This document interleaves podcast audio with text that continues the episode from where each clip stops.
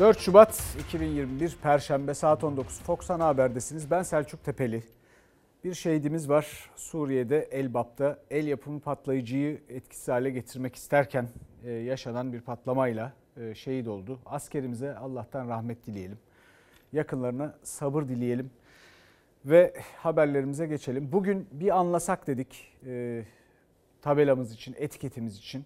Bir anlasak diyebileceğimiz gerçekten çok şey yaşıyoruz.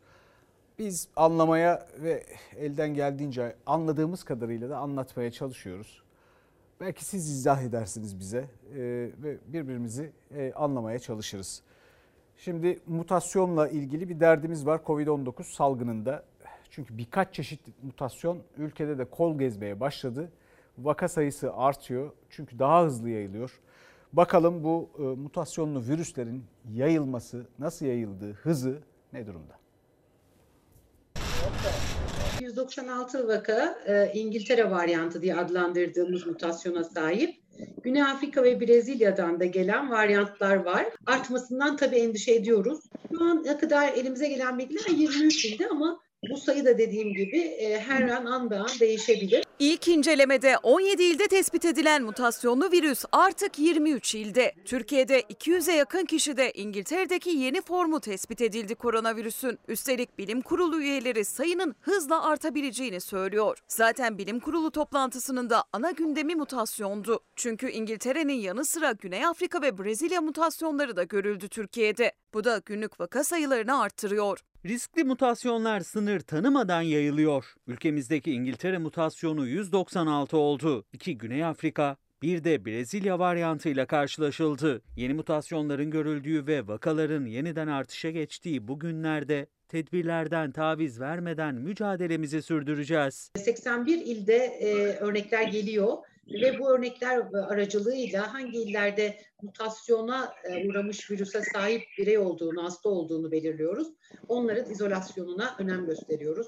Temaslılarını tarıyoruz. Bizim testlerimiz negatif çıktı. O 4 kişilik aile şu an hastanede. Ankara'daki bu bina apartman toplantısının ardından mutasyonlu virüs alarmıyla karantinaya alındı. Koronavirüs testi pozitif çıkanların örneği mutasyon testinden de geçiyor artık. O yüzden her geçen gün vaka sayısıyla birlikte mutasyon sayısında da artış kaydediliyor. Bir kere %70 daha fazla bulaştırıcı olduğunu söylüyor İngiltere'den gelen veriler. Hastalığın şiddeti konusunda ise çok belirgin bir farklılık yok. Ancak endişe daha şiddetli hastalık yapabilme ihtimali üzerine. Bilim Kurulu üyesi Profesör Doktor Sema Turan'a göre mutasyonların etkisi henüz net bilinemiyor. Ancak özellikle Güney Afrika ve Brezilya türlerinin hastalığın ağır seyretmesine yol açmasından endişe ediliyor. Vaka artışıyla ağır hasta sayısının da artması hastaneleri zorlayabilir. Daha zor bir süreç mi bekliyor bizi? Biz de önlemlere tabii ki aynı ciddiyette devam etmek durumundayız. Çünkü mutasyonlu virüsün oluşturacağı hastalığın hızı ve şiddeti konusunda net bir bilgi henüz elimizde yok. Bilim kurulu tedbirleri esnetmek bir yana mutasyonlar nedeniyle çok daha dikkatli olunması yönünde görüş birliğinde. Vaka sayısı ise günden güne artmaya devam ediyor. Son 24 saatte 8102 kişinin daha testi pozitif çıktı. Bu tedbirlerle biraz daha yaşamaya devam edeceğiz. Bulaştırıcı hızı yüksek olan mutasyonlu virüs için yapılacak en önemli şey kalabalıklarda bulunmamak. Salgının çaresi aşı. Aşı ile ilgili tedarik sıkıntısı var mı? Var. Bu tedarikle ilgili her gün farklı farklı demeçler işitiyor muyuz? Evet, işitiyoruz. Bir sayın cumhurbaşkanı bir şey söylüyor. Bir sayın bakan bir şey söylüyor. Ortada bir gerçek var ki aşı ile ilgili şu andaki tedarik rakamlarına bakılırsa, elde edilen, buraya gelen, ülkeye gelen aşıya bakılırsa planın tutmadığı. Gerçekten 50 milyon doz aşı ile ilgili e, bu e, şirketle firmayla bir anlaşma yapıldı mı yoksa sadece sözlü bir mutabakat mı sağlandı?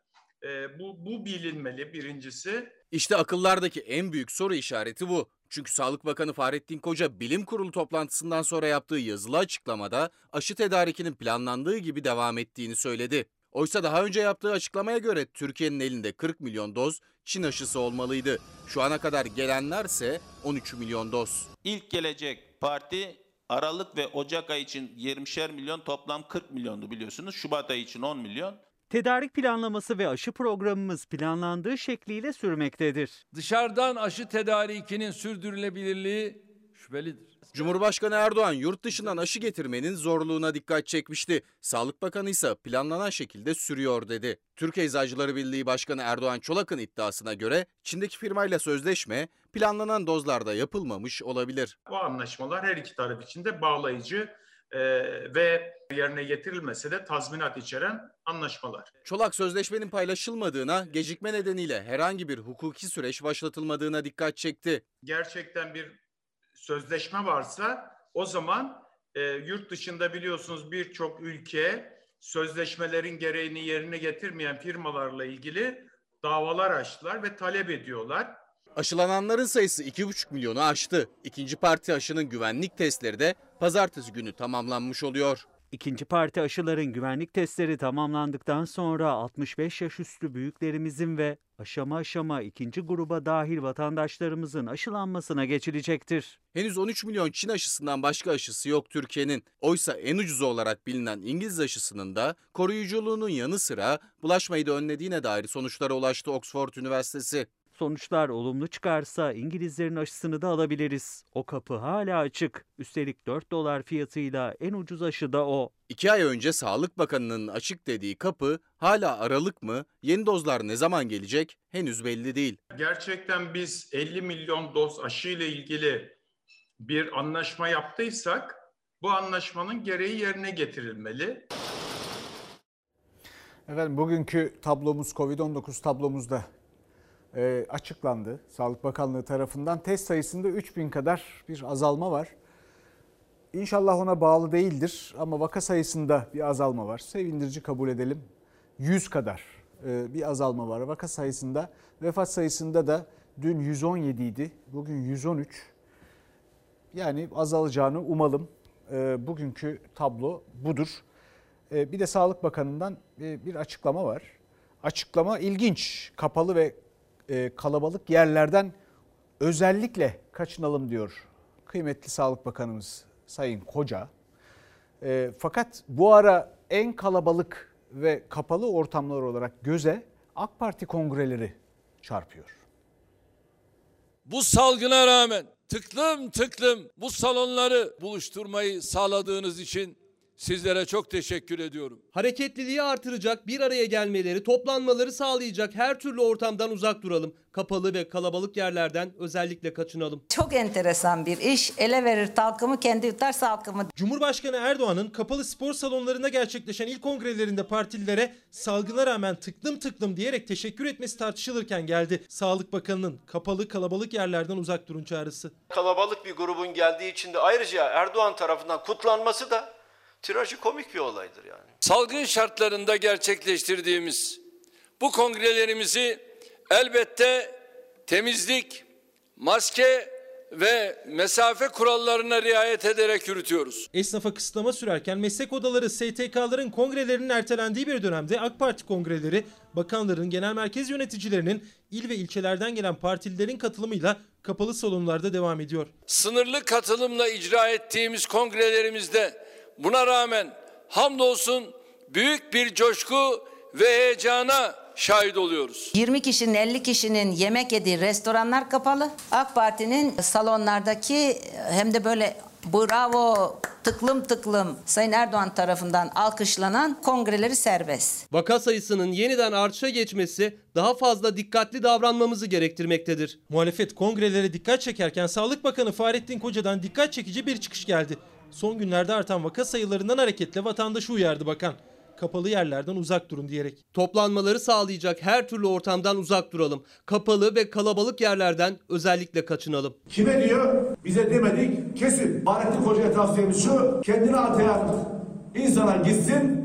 Bu toplantılar yapma desin. Bursa Kapalı Spor Salonu maşallah salgın şartlarına rağmen Sağlık Bakanı'nın söylemlerine rağmen oradaki insanların hayatını hiçe sayıyorsa kendi içsel bir travması var. Bu pandemiyi e, tam olarak nasıl yönetiyoruz benim aklım ermiyor. Cumhurbaşkanı bundan e, keyif alıyor, memnun oluyor. Başkaları yaptığı zaman da hoş görmüyor. Bir çifte standart var. Bir yanda Sağlık Bakanı'nın kalabalıktan uzak durun tavsiyesi, Diğer yanda binlerle toplanan AK Parti kongreleri.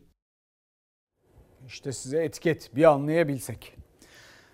Günlerdir ülkeyi meşgul ediyor. Biliyorsunuz e, Melih Bulu'nun e, Boğaziçi Üniversitesi'ne rektör olarak atanmasından sonra öğrencilerin sonra e, İçişleri Bakanlığı'na göre, emniyet güçlerine göre öğrenci olmayanların da karıştığı ki bunların bir bölümünün terörle iltisaklı olduğuna dair bir iddia var. Olayları tartışıyoruz günlerdir.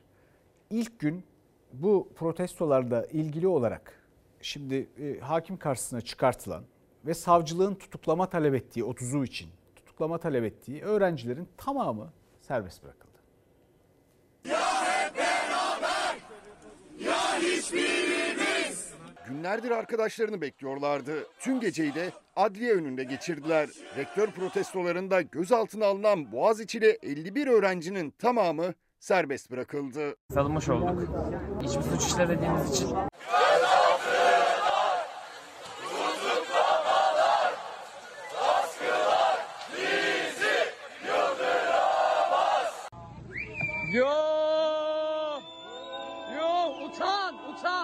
Cumhurbaşkanı tarafından Melih Bulu'nun rektörlüğe atanmasını ilk günden bu yana protesto ediyor öğrenciler. Haftanın ilk gününde Boğaziçi Üniversitesi kampüsünde çok sayıda öğrenci gözaltına alınmıştı. Savcılık 30 tutuklama talep etti. Adliyeye sevk edilen öğrencilerin tamamı adli kontrol şartıyla serbest kaldı. Sabah ilk koştukları yer okulları oldu. Akademisyenler ve Boğaziçi Üniversitesi mezunlarıyla bir aradaydılar.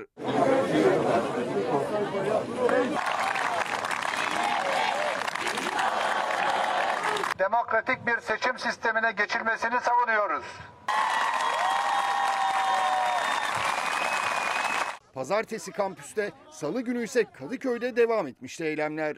İçişleri Bakanlığı Sözcüsü İsmail Çataklı kaç kişinin gözaltına alındığını açıkladı. İstanbul'da 01.02.2021 günü gözaltına alınan 159 kişinin 79'unun 02.02.2021 tarihinde yine İstanbul'da gözaltına alınan 105 kişiden 52'sinin terör örgütleriyle irtibatlı, itisaklı oldukları tespit edilmiştir. Terörle irtibat tespitini dile getiren Çataklı, bir aydır süren ve diğer illere de yayılan gözaltılarda tutuklu sayısının ise 2 olduğunu söyledi. 04.01.2021 tarihinden bu yana 38 ilimizde toplam 528 kişi yakalanmış, gözaltına alınmıştır. Bunlardan ikisi tutuklanmış. Halen İstanbul'da 28 kişinin işlemleri Emniyet Müdürlüğümüzde devam etmektedir. Tutuklamayla yargılanmalarını, tutuklamaya sevk etmelerini kabul etmeyeceğiz. Gözaltındaki 28 kişi içinde arkadaşları İstanbul Anadolu Adliyesi önünde eylem yaptı.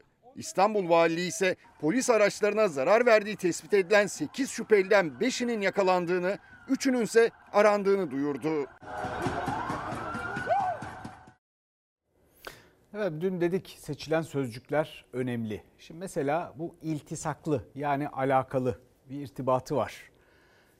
Ne ile? Terör örgütleriyle ifadesi önemli. Çünkü bu bir kanaat, bir beyan olarak ifade edildikten sonra e, insanların tanımlandığı bir şeye, onların suçlandığı bir şeye dönüşüyor. Bu bu kadar telaffuz, kolay telaffuz edilemez. Herhalde bunun için bir mahkeme kararı filan bir şey gerekiyor. O bakımdan da bunun üzerinde bilhassa durmak ve titizlikle durmak lazım. Ama öte yandan bir de şöyle bir durum var. Boğaziçi Üniversitesi'nde öğrencilerin bir takım eleştirileri var ve bunları protesto gösterileriyle dile getirdiler. Sonra bunlar başka noktalarda da görüldü. İnsanların kafası karışık. Bir yandan da herkesin, hepimizin bütün bunlar yaşanırken karşıdan bakıp kafamızı kurcalayan sorular var. Mesela öğrencilere böyle muamele edilir mi? Bu çocukların taleplerini düşünmek, üstünde biraz durmak ki Melih Bulu'nun yani yeni rektörün akademik olarak boş verin siyasi partisinin şunu bunu yetersiz olduğunu ifade ediyorlar ki öğretim üyeleri de aynı şeyi söylüyor. Okulu ileri götüremeyeceğini söylüyorlar ki dikkate almak lazım herhalde. Ki böyle bir takım işler vardır bu durumları kaldırmayabilir. Öğrencilere böyle davranılır mı? Sert müdahale gerekir mi? Hayır yapılmamalı. Yapılmamalı. Bunu dile getirdik. Peki sonra başka soru ortaya çıktı elbette ve hepimiz ekran başında kendi kendimize pek çok kişi aramızda sordu zannediyorum. Polis aracına mesela Kadıköy'de tekme atanlar filan. Bu olur mu? Elbette olmaz. Yapılmamalı. Tabii ki bu da yapılmamalı. Peki bu ikisi aynı cümle içinde aynı insan tarafından telaffuz edilebilir mi? Evet edilebilir. Niye olmasın? Ya o kutuptan ya da bu kutuptan olmak zorunda değiliz ki. Doğru bildiğimizi, doğru düşündüğümüzü söyleyebiliriz. Bir yerde bir sıkıntı varsa bir protesto, bir eleştiri, bir gösteri o sıkıntıya dikkat çekmek için yapılabilir ki anayasal bir haktır. Onun daha sonra bir uygulamaya, bir yasaya dönüşmesi için bir takım prosedürlerden geçmesi gerekir ki o da siyasettir. Demokratik ülkelerde bu işler böyle yürür. O yüzden de olaylara biraz da böyle bakmak gerekir. Fakat o arada herkes öyle acayip şeyler söylemeye başladı ki nitekim öğrencilerle ilgili olarak terörist misin, öğrenci misin tartışması aldı başını gidiyor.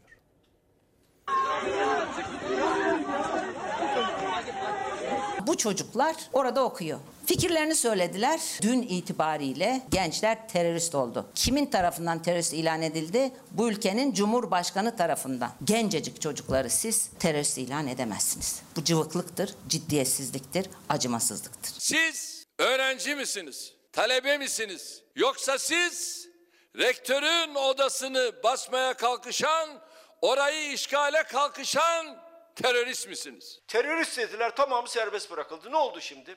Kaybeden kim? Terörist lafını kullanan. Siyasetin Boğaziçi tartışması, Cumhur İttifakı ortakları Cumhurbaşkanı ve Bahçeli'nin rektör atamasına karşı çıkan öğrenciler için kullandığı sert ifadelere muhalefet liderleri tepki gösterdi. Bu çocuklar memleketimizin evlatları. Türkiye'nin böyle evlatları yoktur. Çocuk veya öğrenci dedikleri vandaldır, barbardır, evlat değil, başı ezilmesi gereken zehirli yılanlardır. Bu hükümetin gerçekten bir haftanın düşmanı panosu var. Çözüm üretemedikleri için her hafta yeni bir düşman üretmek zorundalar. Geçen haftanın da e, düşmanı Boğaziçi öğrencileri oldu. Bu ülke teröristlerin hakim olduğu bir ülke olmayacak. Öğrenciler ne yaptılar Allah aşkına? Cam çerçeve mi kırdılar? Bir yeri mi tahrip ettiler? Hayır. Toplantı ve gösteri yaptılar. Bir anayasal hak mı? Evet bir anayasal hak. Bak Kemal, terörist arkadaşlarınla yola devam edeceksen buyur o yola devam et. Ama biz teröristlerle beraber olmadık, olmayacağız. Provokasyon elbette toplumsal olaylarda olur.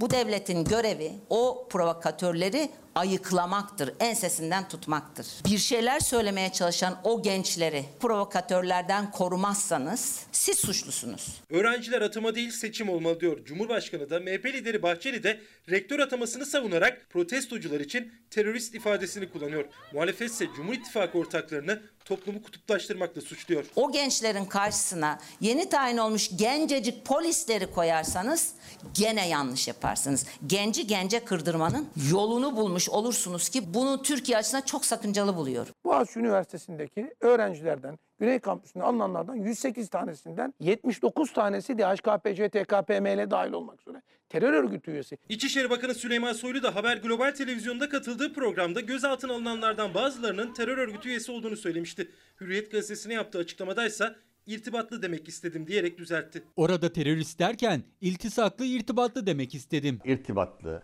yok iltisaklı bırakın bu işleri. İnsanların evlatlarını yaftalamayın. Hiç kimseye devletimizin gücünü sınamasını tavsiye etmiyoruz. Sizin gücünüz, hakkını, hukukunu arayan Boğaziçi Üniversitesi'nin öğrencilerine mi yetiyor? İçişleri Bakanı'nın terörist düzeltmesi bakanlık sözcüsünün cümlelerine muhalefet tepki gösterirken Boğaziçi eylemleriyle ilgili bir açıklamada Amerika Dışişleri Bakanlığı'ndan geldi. We are closely monitoring. Boğaziçi Üniversitesi'ne atanan yeni rektöre karşı gerçekleştirilen barışçıl gösterileri yakından takip ediyoruz. Türkiye'nin iç işlerine müdahale etmeye kalkışmak kimsenin haddi değildir. Türk Dışişleri Bakanlığı ülkemize demokrasi dersi vermeye kalkanlar aynaya baksın dedi.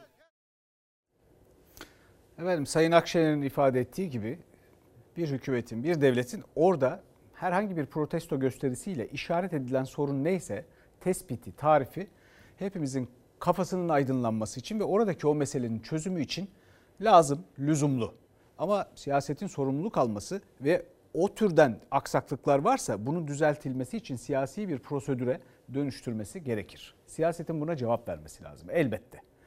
Fakat öyle oluyor mu? İşte öyle olmuyor. Tıkanma zaten orada yaşanıyor. Ondan sonra başkaları da bu işlere maydanoz olmaya başlıyor. Maydanoz olanlardan biri eğer böyle dün dündür, bugün bugündür diye düşünürseniz işte onlardan biri de Amerika Birleşik Devletleri. Suyu bulandırmaktan başka hiçbir işe yaramıyor emin olun. Böyle açıklamalar sanki küreselleşmenin canını okumamışlar gibi.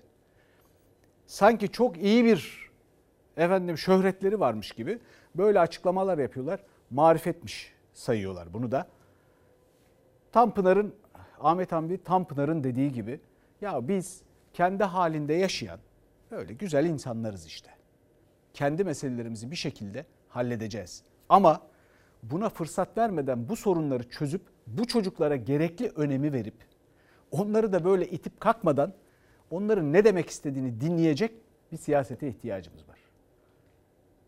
Amerika'nın maydanoz olmasına şuna buna değil. Şimdi e, bu arada da bir e, kelime ayarı geldi tabii siyasete. E, bu kelime ayarı önemli. Ya yani bunun da altını çizelim. Niye? Çünkü siyasetin algılarının bir yandan da açık olduğunu görüyoruz. Yani bugün, e, dün özellikle altını çizdik. O kelime ayarları filan iyidir, iyidir ya, iyi bir adımdır. Dolayısıyla devamını dileriz. Dikkatli olmalarını temenni ederiz siyasilerimizin de. Fakat başka bir mesele var. Bakın Türkiye'de böyle rektörlük, üniversite buna bakış açısı ve siyasetin buna bakış açısı arasından problemi şimdi arkadaki fotoğrafta göreceksiniz. Ee, efendim kıymetli e, siyasetçimiz Numan Kurtulmuş AK Parti Genel Başkan Vekili. Kendisinin çok muteber bir hikayesi var. Yani e, kendi ailesi, onun hikayesi, kendi e, efendim işte akademik kariyeri, iktisatçı, profesör önemli. Oturduğu yer bir rektör koltuğu ama kendisi rektör değil. Kendisi şu anda siyasetçi. Üstelik bir partinin genel başkan vekili olarak siyasetçi. Bu yeni bir fotoğraf bu arada. Bu beyefendi de rektör. Profesör Doktor Arif Özaydın Gaziantep Üniversitesi rektörü. Şimdi 23 Nisan filan değil. Bu tablo nedir? Niye böyle bir şey var? Böyle bir fotoğraf var? Anlamak mümkün değil. Ya yani bir anlayabilsek. Şimdi Sayın e, Numan Kurtulmuş bunu düşünebilir ama neden düşünmemiş onu da bilemiyorum. Bakın bu üniversiteyi yöneten bir insan ve bir siyasetçi tablosu olamaz. Böyle bakıldığı sürece bu tür atamalar olur. Türkiye'nin üniversiteleri ilk 500'e falan giremez. Şimdi World Ranking diye bir şey var. İzleyin bakalım Sayın Bulu e, Boğaziçi Üniversitesi'ni ilk yüze sokma iddiasında. Önümüzdeki yıllarda bakın bakalım nereye e, e, gidecek o üniversite göreceğiz. İşte mesele de tam olarak budur. Budur. Çünkü bazı meslekler vardır. Bilim, işte üniversite. Hiç kimse söylemiyorsa bile onun size doğruları söylemesi gerekir. Üniversite denen şey varlığının sebebi bu. Şu değil yani. Hayat anlayışı, medeniyet öğretti bize. Rektörün koltuğunda kim oturuyor? Numan Kurtulmuş. Rektör nerede? Masanın yanında el pençe duran kişi. İşte bu rektörleri numune aldıkları için de Boğaziçi Üniversitesi'ne o intihacı profesörü atayabiliyorlar. Rektörlerin Cumhurbaşkanı tarafından atanması tartışılırken verdi bu görüntüyü Numan Kurtulmuş. AK Parti Genel Başkan Vekili sıfatıyla Gaziantep Üniversitesi rektörünün koltuğuna oturdu. Rektör Arif Özaydın masa başında ayakta. Üniversitenin siyasallaştığını, üniversitenin AK Parti'nin tarafından yönetildiğini, aslında o koltukta Recep Tayyip Erdoğan'ın oturduğunu hep beraber görüyoruz. Boğaziçi Üniversitesi'ne atanan Melih Bulu eski AK Parti milletvekili aday adayı. Birçok AK Partili eski yönetici milletvekili rektör olarak atandı. Yeni hükümet sistemiyle rektör atama yetkisi Cumhurbaşkanı Erdoğan'da. Dönemin YÖK yönetimi dahi yeni üniversitelere rektör atamamak için engel üstüne engel çıkartmıştı. Cumhurbaşkanı yeni düzenlemeyi savundu yeni günde de. Muhalefetse rektörün atanması demokratik değil diyor. Bu tartışmanın gölgesinde AK Parti Genel Başkan Vekili Numan Kurtulmuş Gaziantep Üniversitesi'ni ziyaret etti. Üniversite rektörü Arif Özaydın da Erdoğan'ın kararnamesiyle atanan isimlerden. Üniversitenin kavgayla, gürültüyle, bir takım siyasal çekişmelerle anılmasını asla tasvip etmeyiz. Numan Kurtulmuş, üniversiteler siyasetten uzak durmalı dedi ama bu mesajı Gaziantep Üniversitesi rektörünün koltuğundan verdi. AK Parti Genel Başkan Vekili sıfatıyla Kurtulmuş, rektörün makamındayken rektörse masa başında ayakta durdu. O koltuk siyasi parti genel başkan vekilinin oturacağı koltuk değildir. Devleti partileşmeye götüren bu zihniyete artık dur deyiniz. Numan Kurtulmuş bakan mı? YÖK başkanı mı?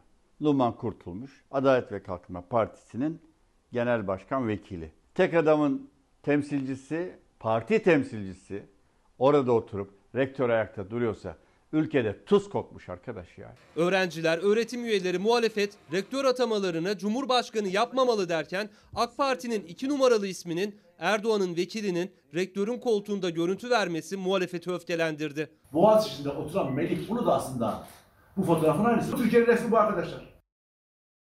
Efendim Fox Haber'in çok kıymetli bir izleyicisinin bir mesajı e, o kadar iyi tarif etmiş ki benden iyi. Sürekli devletin gücünün sınanmasından bahsediliyor. Devlet sadece kaba güçten ibaret değildir ki. Şefkatli yanı da vardır. Bir deneseler belki de gerçek güç şefkattir. Bir anlasak bunun üstüne söyleyecek bir şeyim yok. Şimdi bir başka haber. Onda da bir anlasak var tabii. Son yaş toplantısında yani Yüksek Askeri Şura toplantısında Tu Generalliğe terfi ettirilen bir isim. Gözaltına alındı, FETÖ itirafçısı oldu. Peki yıllarca nasıl fark edilmedi? En son terörist bölgemizde etkisiz hale kadar harekat devam edecek. Fethullah Gülen bana o dönem rütbem olan teğmen yani tek yıldızı taktı ve elini öpüp ayrıldım. Bu sözler son Yüksek Askeri Şura'da alınan kararla Tu Generalliğe terfi ettirilen Serdar Atasoy'a ait. En kritik görevlerden Kara Kuvvetleri Komutanlığı İstihbarat Başkanlığı'na atandı 6 ay önce. Ankesörlü telefonla FETÖ'cülerle görüştüğü şüphesiyle başlatılmadı göreve. Kasım 2020'de emekli edildi. Soruşturma derinleşince de FETÖ itirafçısı oldu. Atasoy'un 2017 yılında da FETÖ'den gözaltına alındığı, serbest kalıp görevine devam ettiği ortaya çıktı. Emekli askeri hakim Ahmet Zeki Üçok'un iddiasına göre terfi edilmeden emekli edilmesi yönünde hazırlanan rapor dikkate alınmadı. 2020 Şurası öncesinde Serdar Atasoy ile ilgili olarak Kara Kuvvetleri Komutanı Ümit Dündar'ın bizzat bu kişi 54. madde kapsamında emekli edilsin diye rapor hazırlamış olmasına ve bu raporun Genelkurmay Başkanı Orgeneral Yaşar Güler tarafından imzalanarak Milli Savunma Bakanlığı'na gönderilmesi, oradan da Cumhurbaşkanlığı'na ve tekrar dönüşünde ise buradan askeri şurada bu kişinin terfi etmesi anlaşılabilir bir şey değildir. 27 Ocak'ta yani geçen hafta gözaltına alındı emekli Tu General Serdar Atasoy. FETÖ'yle bağlantısını kabul edip itirafçı oldu. Harp okuluna FETÖ'nün ele geçirdiği sorularla girdiğini anlattı. 15 Temmuz hain darbe girişimi sırasında Bangladeş'te albay rütbesiyle askeri ateşeydi. FETÖ'cülerin emirlerini uyguladı. Sonra da FETÖ'yle bağlantılı olduğu şüphesiyle Türkiye'ye çağrıldı ama o soruşturmadan ceza almadı. Bu kadar incelemeden bir kişinin geçebiliyor olması o kişinin yine bazı kişiler tarafından korunduğunu düşünür. Albay olmasına rağmen 2017'de 2. Ordu'da harekat başkanı oldu. Çok önemli harekatların yaşandığı 3 yıllık süreçte Ağustos 2020'ye kadar bu görevini sürdürdü. Bu görüntüde 21 Ocak 2018 tarihinden Suriye'nin kuzeyindeki Afrin'e düzenlenen Zeytin Dalı Harekatı'nın ikinci gününden Yer Hatay Harekat Merkezi. Amacımız istikrarın ve barışın sağlanması. Askerlerin Yüksek Askeri Şura'da etkinliği tamamen ortadan kalkmıştır. Bunun da en somut kanıtı Serdar Atasoy'un Silahlı Kuvvetler tarafından emekli edin denmesine karşın Yüksek Askeri Şura'da terfi ettirilerek Tuğgeneral yapılmasıdır. Son Yüksek Askeri Şura kararıyla Tu Generalliğe terfi ettirilen Serdar Atasoy 3 ay içinde emekli oldu. Kısa süre sonra da gözaltına alınıp itirafçı oldu. FETÖ bağlantılarını anlattı. Etkin pişmanlıktan yararlanarak serbest bırakıldı. Bu süreç içerisindeki bu atamaları yapan, bu terfiyi yapan kişilere kimler tarafından Serdar Atasoy'un tavsiye edildiğinin bulunmasının Türk Silahlı Kuvvetleri'nin içerisindeki Fethullahçı yapının çözülmesinde çok önemli bir rol oynayacağına inanıyorum. Anayasa Mahkemesi'nin Enis Berberoğlu ile ilgili gerekçeli kararının açıklanmasının ertesi günü yani bugün önemli ve dikkat çeken bir görüşme vardı. Cumhurbaşkanı Erdoğan Beştepe'de Anayasa Mahkemesi Başkanı Zühtü Arslan'ı ağırladı. Anayasada açık net hüküm var. Anayasa Mahkemesi kararları Yasama, yargı, yürütmeyi bağlar diyor. İdare makamlarını bağlar diyor. Anayasa Mahkemesi de 37 sayfalık Enis Berberoğlu kararında anayasanın bağlayıcılığına vurgu yaptı. Anayasayı korumak, kamu adına görev yapan tüm organların sorumluluğudur diyerek o gerekçeli kararın resmi gazetede yayınlandığı günün ertesinde Cumhurbaşkanı Erdoğan Beştepe'de Anayasa Mahkemesi Başkanı'nı kabul etti. İhlal kararının gereğinin yerine getirilmesi yalnızca ilgili derece mahkemelerinin değil, Türkiye Büyük Millet Meclisi ile Hakimler ve Savcılar Kurulu olmak üzere kamu gücünü kullanan diğer organların da görevidir. Ne yapacağız? Anayasa Mahkemesi ne demek istiyor? Türkiye Büyük Millet Meclisi bu Anayasa Mahkemesi kararına uymayan mahkemeyi bir kanunla kaldırsın mı? La mı etsin? Yüksek Mahkeme yerel mahkemenin yeniden yargılama kararına uyması gerektiğinin altını çizerken HSK ile birlikte Türkiye Büyük Millet Meclisi'nin de ihlal kararının gereğini yerine getirmesini istedi. Muhalefet Enis Berberoğlu'na vekilliğin geri verilmesi olarak okudu bu açıklamayı ama Meclis Başkanı yetki aşımı diyerek karşı çıktı. Meclis Başkanlığı'nın o kararı Anayasa Mahkemesi'ne iade etmediği ortaya çıktı. Türkiye Büyük Millet Meclisi'ne bu şekilde bir tembihte bulunması, bir nasihatta bulunması Anayasa Mahkemesi'nin çok açık bir yetki aşımıdır. Bu kararı siyasi bildiriye dönüştüren bir kısmıdır bu. Çok yadırgadığımı ifade etmek isterim. Anayasa Mahkemesi kararlarına uyulmalıdır diyor. Bu ne demek? Anayasa Mahkemesi'nin kararlarına uyulmuyor, anayasa çiğneniyor demek. Aksi halde bir ülkenin Anayasa Mahkemesi niye bunu hatırlatmak zorunda kalsın ki? Yerel mahkeme Anayasa Mahkemesi'nin kararına uyacak mı? İlkinde olduğu gibi direnecek mi? Berberoğlu'nun vekilliği geri verilecek mi tartışması sürerken AYM Başkanı Zühtü Arslan Beştepe'ye çıktı. Zühtü Arslan pazartesi günü randevu istedi Cumhurbaşkanı'ndan. Başsavcılıktan Yargıtay üyeliğine oradan da kısa sürede Erdoğan'ın imzasıyla AYM üyeliğine atanan İrfan Fidan'ın 9 Şubat'ta yapılacak yemin töreni davetiyesini vermek için. Bu görüşme Berberoğlu hakkındaki hak ihlali kararının gerekçesinin açıklandığı günün ertesine denk geldi. Görüşmede Berberoğlu kararı gündeme geldi mi bilinmiyor. Tür görüşmeler önemli. Elbette Cumhurbaşkanı bu ülkenin lideri tepesinde. Ve yani bu tür konularda fikir beyan etmesi, meseleyi çözmesi mühimdir. Fakat inşallah da çözülmüştür mesele. Fakat buna lüzum da yok. Anayasanın 153. maddesi açık. Sayın Şentop bir şeyler söylüyor. Hakikaten bir anlayabilsek diyorum ben de. Anayasa Mahkemesi kararları eleştirilmez değil. Bütün mahkeme kararları eleştirebilirsiniz, yanlış bulabilirsiniz. Fakat şurası açık ki Anayasa Mahkemesi kararlarının uygulanması gerekir. Anayasanın 153. maddesi bu. Bir türlü uygulanmıyor. Niye bu kadar bu sürüncemeyle buraya kadar geldi? Bir krize dönüştü. Nasıl oldu bu? Benim anladığım şudur. Mahkemelerin yanında mahkemelerle ilgili olarak kimin onlara destek olduğu farkı var anladığım kadarıyla. Yerel mahkemeyi lağv edeceğiz diyor Sayın Şentop. E, elbette şimdi bir karar almış yerel mahkemede anayasa mahkemesine direniyor. Çünkü yerel mahkemenin yanında devletin zirvesinden birileri var belli ki. Anayasa mahkemesinin yanındaysa bu kararda besbelli yoktu. Şimdi bu anayasada yazılı mı? Hayır değil. Bu şekilde ne oluruz? Anayasal bir düzen olmayız. Gayet açık. Peki netice 300 sene önceye gideriz. Gayet basittir. Peki bu ortamda şimdi inşallah her şey düzelir olgunlukla. Bu görüşmede mühim, önemli. Bu ortamda bir de yeni anayasa tartışılıyor. Muhalefet de diyor ki yani şimdikini uygulamıyorsunuz. Yeni anayasayı nasıl yapalım? Kapıları kapatıyor. Var olan anayasada tarafsızlığı üzerine, namusu ve şerefi üzerine yemin edildi mi? Edildi. Buna uyuluyor mu? Uyulmuyor. Biz nasıl mevcut anayasaya dahi uymayan kişinin verdiği söze ya da davete inanacağız?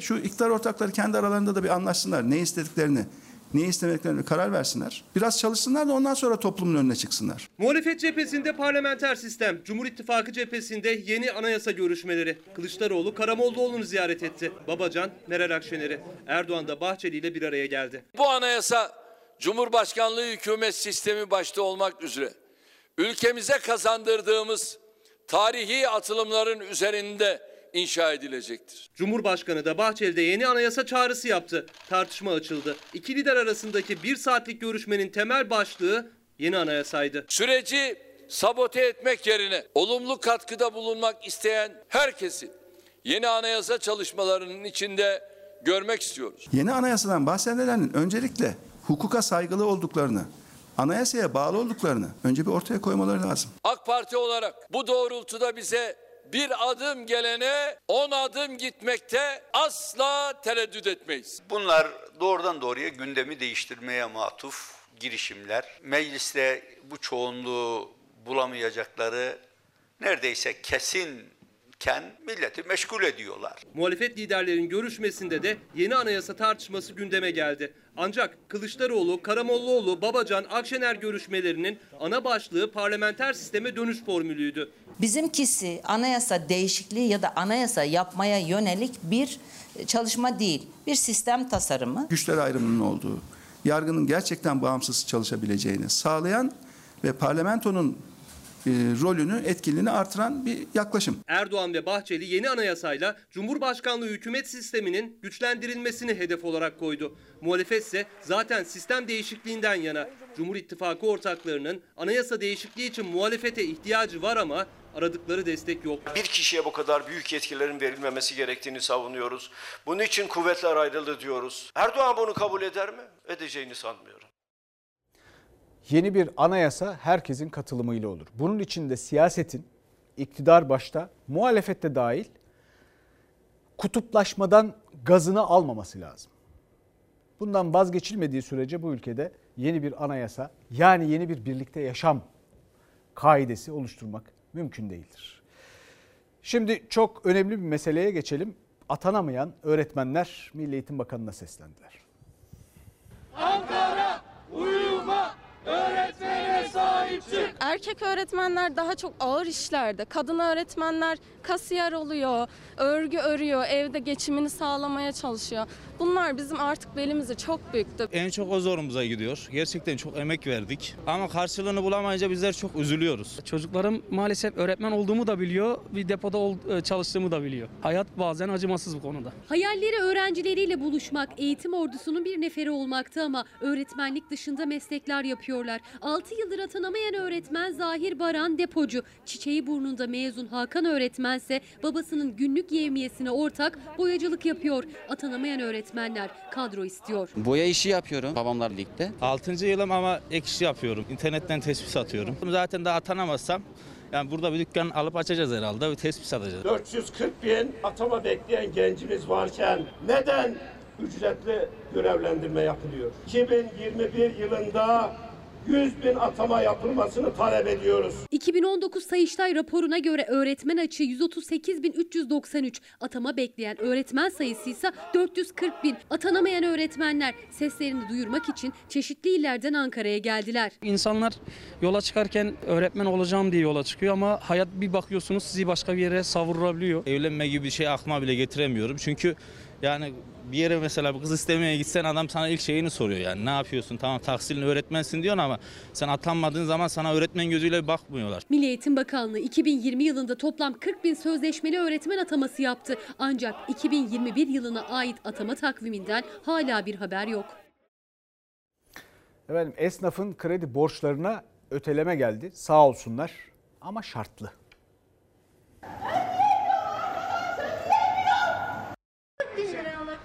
Karşılığında benim 500 bin TL'lik ürünlerim haciz edildi. Tamam ürünlerin hepsini siz haciz ettiniz şu an. Ben nasıl ödeyeceğim bunu? Onun da bırakın ben ne yiyeceğim ne içeceğim. Borç batağındaki esnaf sesini böyle duyurmaya çalıştı. İki çocuk annesi Aysun Bıyık, Kayseri'de alışveriş merkezi esnafı. Daha önce ödeyemiyorum diye haykırmıştı dükkanının önünde. Bu kez derdini CHP'li Çetin Arığa anlattı. Halk Bankası'ndan çektiği krediyi ödeyemediğinden yakındı. İşte o krediler Cumhurbaşkanı kararıyla ertelendi. Ancak faiz ödemek ve bu süreçte işçi çıkarmamak şartıyla. Geçen sene Halk Bankası'nın verdiği parayla destek aldım ama o da o an. Onun günü de geldi onu da ödeyemiyorum. Bu aldığım bu. Kira desteği almadım. Kayserili Aysun Bıyık gibi 1 milyon 300 bin esnaf Halk Bankası'ndan düşük faizli kredi çekmişti. Haziran sonuna kadar faiz uygulanmak şartıyla ödemeleri ertelendi. Üstelik faizler kredinin ilk çekildiği dönemden de yüksek. Bu ertelemenin aylık kredi faiz maliyeti %0.89 oldu. Yani zaten kredinin maliyeti faizi ödeniyordu. Bir de bu ertelemeden kaynaklanan bir faiz uygulanacak oldu esnafa. 10 bin lira üzerinden yine kredi taksidi ödeyen ödeyen bir esnafa bu 6 aylık ertelemenin ek maliyeti 1200 lira. Yeni faiz oranları değil, kalan ana para üzerinden ödemesiz dönemde bir yapılandırma faizsiz olursa o zaman esnaflar da rahat eder. Çünkü asgari ücretler arttı, vergiler artıyor, bütün zaten masraflar arttı. Özel Yıldırım da pandemi döneminde kredi çeken esnaftan biri. O da borcunu ertelemek istiyor ama o erteleme faizi de çok yüksek. Oysa onun işleri de şu anda durma noktasında. İlk aldığınızda ne kadardan almıştınız? E, 0.80'den aldığım da var. Bir de bu pandemi başladığında 1.14'ten aldığım kredi de var. Ben bu krediyi aldığım zamanki faiz oranıyla şimdikinin arasında neredeyse iki katına yakın artma var. 0.80'leri düşünürsek şu an 1.60. Otomobil lastiği satan Özel Yıldırım farklı farklı krediler çekti. Salgın döneminde ayakta kalabilmek için. Erteleme çare olmayacak. Üstelik yeni düzenlemeyle borcu olanın yeniden kredi çekebilmesinin de önü açıldı. Yani borçlu daha çok borçlanacak. Bu süre içerisinde zaten benim ödediğim hep kredi ilk taksitlerinde ödediğim hep zaten faizdi.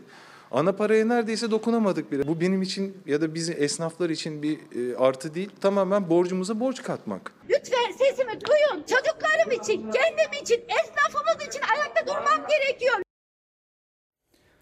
Efendim şimdi TÜİK biliyorsunuz enflasyon oranlarını açıklıyor. Ee, bu oranlarla ilgili de sürekli tartışmalar ortaya çıkıyor. TÜİK şimdi sepeti yine değiştirdi. Yani TÜİK değil rot balans ayarı. Şimdiki değişiklik de eti azaltmışlar sepetteki ağırlığını. Yerine makarna ekmek biraz yükseltilmiş. Ya TÜİK artık beslenmemize de karışıyor. Karbonhidrat ağırlıklı bir beslenme öneriyor bize TÜİK. Niye? Enflasyonu daha az arttırıyor sanki öyle düşünüyorlar.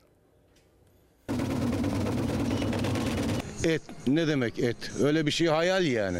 Mümkün değil. İşçiyim ya. Bu et yeme işi bizim gibi fakirlere göre değil. Bugün ucuz bir tane köfte ekmek aldım. 10 lira. Bunu haftada bir kere anca yiyebiliyorum. Öğlen paydosunda. Çoluğum çocuğum yiyemiyor. Benim de boğazımdan geçmiyor. Ekmek daha çok tüketiyoruz maalesef.